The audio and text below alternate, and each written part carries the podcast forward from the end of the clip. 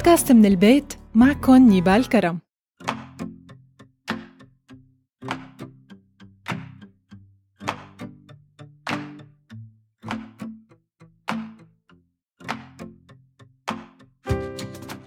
مرحبا.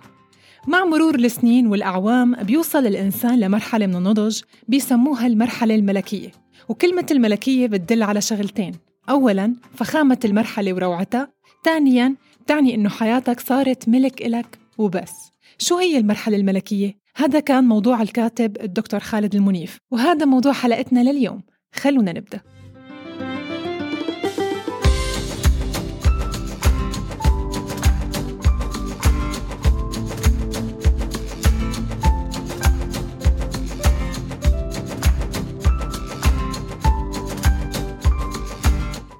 حبيت آخذ أكثر ما بقدر من الكتاب لأن إذا بدي أحكي عنه كله بدي أكثر من حلقة.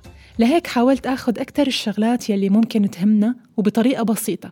رح أحكيها بدون شرح رح أنقل أهم التعدادات لحياة ومرحلة ناضجة بتوقع الكل هلأ بحاجتها. شو هي صفات المرحلة الملكية؟ بهي المرحلة ما رح تتورط بنقاشات وجدالات تافهة لمجرد إنك تقنع شخص مو راضي يفهم ورح تفضل الصمت وما تضيع وقتك.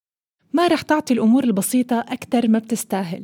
يعني ما رح تنزعج من بكاء طفل ولا من زحمة الشارع ولا كلمة سيئة من حدا. ما رح تسلم عقلك لحدا ولا رح تسمح لحدا يفكر ويقرر عنك. ما رح تهدر البقيان من حياتك بالبحث عن الأحسن الأروع الأجمل الأفضل لأنك رح تحب الحسن الجميل المقبول والرائع ببساطة. رح تدرك بهي المرحلة إنك المسؤول تماماً عن صحتك وعن حياتك. وما حدا رح يحمل همك عنك ولا رح يقاسمك سهر أو شقة أو مرض. رح تهتم بحالك أكتر وتدللها ورح تعرف إنه الحياة كريمة لمجرد إنك تحب حالك وتحب اللي حواليك. ورح توصل لنتيجة كتير مهمة هي إنه ما في شي بدوم. الألم، الوجع، الظلم رح يختفوا. ما في مواقف ونكبات بالحياة إلا وخلصت. ما في شي ميؤوس منه. ورح تتكيف مع الظروف كيف ما كانت لأن التأقلم هو أهم أسباب السعادة وهو صفة بالبشر. وآخر شي ما رح تتابع أخبار الناس ورح تعرف إنهن ما هن ملائكة وفي منهم ما رح تسمح له أخلاقه إنه يكون صاحب ضمير حتى بأيام الرخاء والهنا. فكيف بأيام الحرب؟ فقديش جميل إنه نوصل لهي المرحلة بعمر صغير؟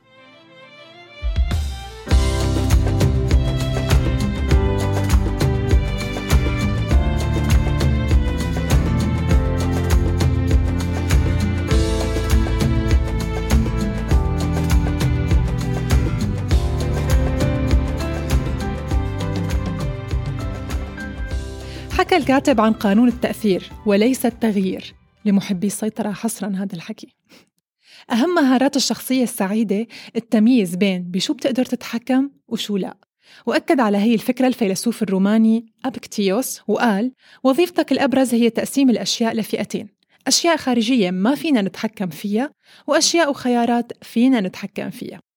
لحتى تخلي الآخرين يعملوا بنصيحتك لازم تأثر فيهم ومو تغيرهم.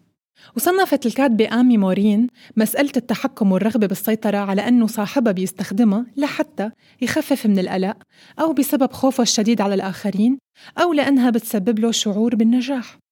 لازم نعرف إنه نحن منسيطر على عواطفنا وذاتنا وتفكيرنا وأسلوب حياتنا. لهيك وقف عن تغيير الناس والأشياء حواليك. ولحتى تكون أقوى مارس هاي العادات مع حالك. واحد لا ترفع الراية البيضاء دائما بادر وتحرك. اثنين.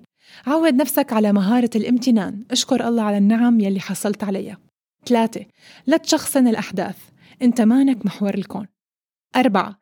استمع للأشخاص يلي بيحبوك عن جد وخود بنصائحهم. خمسة. لا تستمع لصوت الشكوى جواتك. ستة. لا تقارن حالك بغيرك. الحياة مانها ماراثون. هي حديقة كل وردة فيها إلى شكل ولون وريحة. سبعة.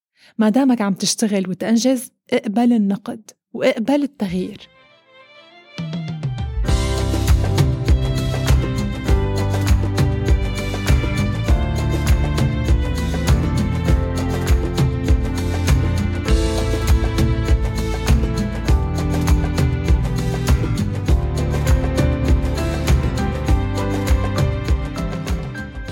طيب فلسفة السعادة عند الأدباء كانت مختلفة كيف؟ كتب الأديب إيليا حنا عن السعادة إنها مفهوم اختلفت فيه الأقوال. كل حدا بيحددها حسب شو بيتمنى أو شو بينقصه أو حسب ثقافته ووضعه الاجتماعي. وكلمة السعادة هي ثراء عند البعض وقناعة عند البعض الآخر وعند فريق ثالث هي شهوات لا تنطفئ. أما مفهوم السعادة عند سلامة موسى بيقول حتى نحصل على السعادة لازم نحقق أربع أهداف. واحد مصدر رزق نعيش منه. اثنين كرامة اجتماعية. ثلاثة حياة أسرية مستقرة. أربعة تجدد وتطور دائم. أما توفيق الحكيم فقال لن يسعد الإنسان حتى لو تحققت كل أهدافه. الإنسان بدون تحدي ما بيكون حي وبدون أمل ما بيكون سعيد وبدون كفاح ما بيلاقي طعم للحياة. وهذا هو فارق الحياة بيننا وبين ساكني القبور. أما السعادة كما يراها عباس محمود العقاد هي المثل العليا والأخلاق. صح إنه هذا الحكي صعب بمجتمعنا المادي اليوم بس هو عم يدعي كل حدا يطلع الشر من داخله لنوصل لمرحلة نواجه المجتمع الشرير يلي صرنا عليه. وغير هيك نحن عم نمد جسور لهذا المجتمع ولهذا الشر. طيب السؤال هون كيف منسيطر على ضغوطات الحياة؟ الضغط النفسي ممكن يجي من أسباب كتيرة. ترقب الإنسان للشر والأذى. بقاء الشخص مقيد بذكرى سيئة وتجربة مؤلمة ووجود أشخاص سامين بحياتنا. كيف منسيطر؟ واحد لا تراقب الناس. اثنين تحمل مسؤولياتك. ثلاثة لا تكون جاد دائما. أربعة حدد طبيعة كل علاقة من علاقاتك. فرق بين الصداقة والقرابة والزمالة. خمسة لا تكون حريص كتير. ستة لا تبالغ بالعطاء. اللي بيعطي كتير بينتظر شكر وتقدير وهذا مو دايما بيتحقق. سبعة عيش كل يوم بيومه. ثمانية. تقبل كل شيء ممكن يصير معك شو ما كان. خسارة مادية إخفاق دراسي هذا قدر. أنت بتشتغل عليه لتحسنه. يلي راح راح. بلش من هون. وفي نظرية كتير مهمة وتابعة للحديث يلي عم نحكيه. نظرية ABC بتقول إنه سبب شقاء الفرد بيرجع لتبنيه مجموعة خاطئة من الأفكار وأجريت دراسات مكثفة حول صدقها وثباتها وسميت الأفكار اللا عقلانية للبروفيسور أليس.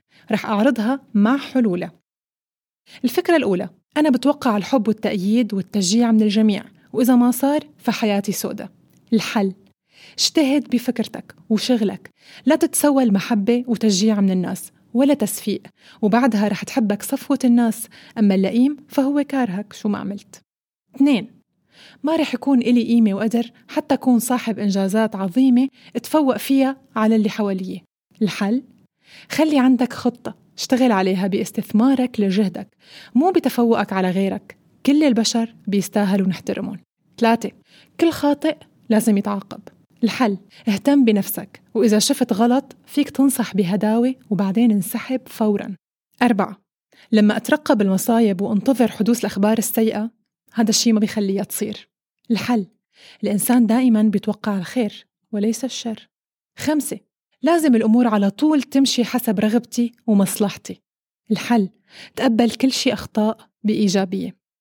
ستة كل المصايب والانفعالات اللي بتصير معنا هي عوامل خارجية ومؤامرة. الحل إما أن تصنع ما يحدث لك أو تدع ما يحدث يحدث بشكل طبيعي.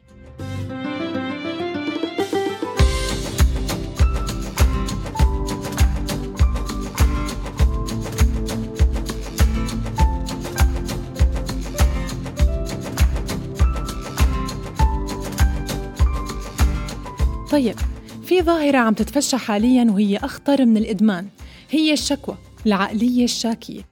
ما انها متعلقة بعمر ولا فئة ولا شريحة معينة صارت ظاهرة شائعة. وبيعتبر الشخص المشتكي إنه حزنه وتعبه وهمه أكبر من أي حدا تاني وهو اللي بيستاهل العطف وبس. طيب كيف منحقق الرضا عن الحياة وعن النفس؟ واحد افهم الحياة وطباعها وأخلاقها ورح تعرف إنه الوجع والألم طبيعي وحتمي والفقد لابد منه. اثنين لما تواجه أزمة لا تضيع وقتك بالشكوى. فكر بالحل. ثلاثة فشلك بمشاريعك وعثراتك ما انها نهاية العالم ولا تعاستك. أربعة إذا بدك حياة هنية خلص نفسك من الناس السلبية والناس المزعجة. تحرر. خمسة الرضا أول مفتاح للنجاح. لا تشتكي من امبارح ولا تقلق على بكرة. ستة تقبل شكلك وجنسيتك وعيلتك وبشرتك لأنها الخطوة الأولى للرضا. سبعة لا تكون شره بمطالبك. هذا ما بيعني الطموح بيعني التوسع باشتهاء ما لا نملك. ثمانية مشكلة البشر إنهم بيفكروا باللي بينقصهم مش اللي بيملكوه. بيقول الفيلسوف ثور موتونايلدر لن نشعر أننا على قيد الحياة إلا في تلك اللحظات التي سوف تعي عقولنا ما نملك. تسعة لا تتعامل مع الناس بأسلوب اللقطة السريعة يعني تشوف الظاهر. في تفاصيل خافية عليك لو كنت صاحبها لقسمت ظهرك. ولازم تقبل الأعداء بحياتك مو كل الأعداء نقمة. العدو بينمي عندك الصبر والهدوء. المرض عدو بس هو اللي حرك الأطباء لإنقاذ البشرية. الفقر عدو بس هو اللي خلى الأغنياء يستثمروا. الجهل عدو بس هو اللي حفظ الطلاب للعلم. الجوع عدو القلق الحرب النقد عدو الأزمات عدو.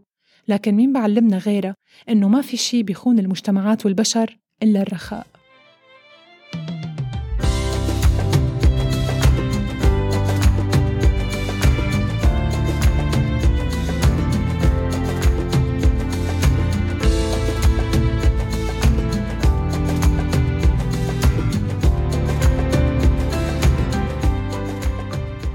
طيب في خمس قواعد ركز عليها الكاتب من خلال كلامه. واحد قاعدة خد وقتك. خد وقتك بالتأمل ولا تستعجل. خد وقتك بالحب. ما في حياة حقيقية بلا حب. خد وقتك بالبكي. لا تحبس مشاعرك. خد وقتك بالسفر. خد وقتك بالعطاء فالعطاء خلود. خد وقتك بالترفيه عن نفسك لأنه أكسير الشباب والحيوية. خد وقتك بالضحك لأنه علاج المرض. تاني قاعدة قاعدة مانك مضطر. مانك مضطر إنك تجاهر بالعداوة. مانك مضطر إنك تشارك بكل حديث بكل قضية وبكل مشهد.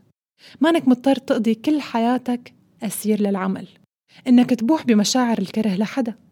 إنك ترد على كل سفيه وناقد. إنك تعلن مشاريعك للقاسي والداني. مانك مضطر تبقى بمكان بيزعجك وتفني عمرك مع شخص ما بيبادلك الشعور. القاعدة الثالثة قاعدة قدر الناس. قدرهم باحترامهم احترام غير مشروط بتسليط الضوء على إيجابياتهم بإبداء إعجابك بسلوكياتهم وأناقتهم. قدرهم بالاعتذار عن الخطأ ومساعدتهم. عدم إحراجهم أو جرح مشاعرهم. آخر قاعدة قاعدة القلب الطاهر. الظن الحسن إذا كان عندك شك بشي استوضح الموضوع. اسأل حالك قبل كل تصرف. ترضى على نفسك نفس التصرف؟ إذا شفت شي بلش يسوء معناتها في شي ما بتعرفه وأخيرا تذكر حقيقة البشر ضعف ونسيان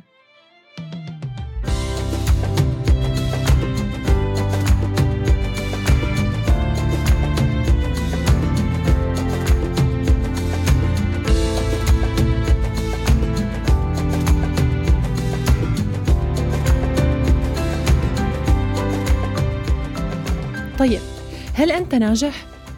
شو هي العلامات يلي بتدل على نجاحك برأي الكاتب؟ واحد لما تختار مقعد القيادة برحلة حياتك وبتختار أهدافك بنفسك وما بتتبع الناس اثنين لما تواجه مخاوفك بقوة وبشجاعة وخطوات جريئة لتعبر الشاطئ للأمان ثلاثة لما تكرر المحاولات رغم الفشل وتعتبر أنه هو طريقك للنجاح أربعة لما تحب شو بتملك وبتركز على جوانبك الجيدة وظيفتك بلدك أصدقائك. خمسة لما تعيش حدود يومك متحرر من الماضي ومن المستقبل. وتذكر إنك صاحب رزق لما بيكون عندك جار كريم ولاد. سقف بيت يحميك. أهل حضن تدفن فيه همك. سيارة تقرأ وتكتب وغيرك بيتمنى يفك الحرف. كلية بتنقي لحالها وغيرك عم يغسل كل يوم. أحد الأدباء بيشوف سر الحياة بالقول التالي أهلا بالقادمين وداعا للراحلين. أهلا بالحب والصداقة وعشرة العمر الجميلة وكل المعاني السامية التي تخفف من عناء الحياة وتزيد من مساحة الصدق والجمال والوفاء. ومع السلامة لكل شيء آن أوان انتهائه وحل موعد إسدال الستار عليه. فلكل شيء في الحياة بداية وله أيضا نهاية. من الحب للنجاح للشباب للصداقة للصحة. وكما نسعد بالبدايات الجديدة يجب أن نتقبل النهايات الحزينة ونسلم بها ونتواءم معه بودكاست من البيت كنت معكم نيبال كرم. للقاء قريب وحلقة جديدة. بشوفكن على خير يا رب. bye bye.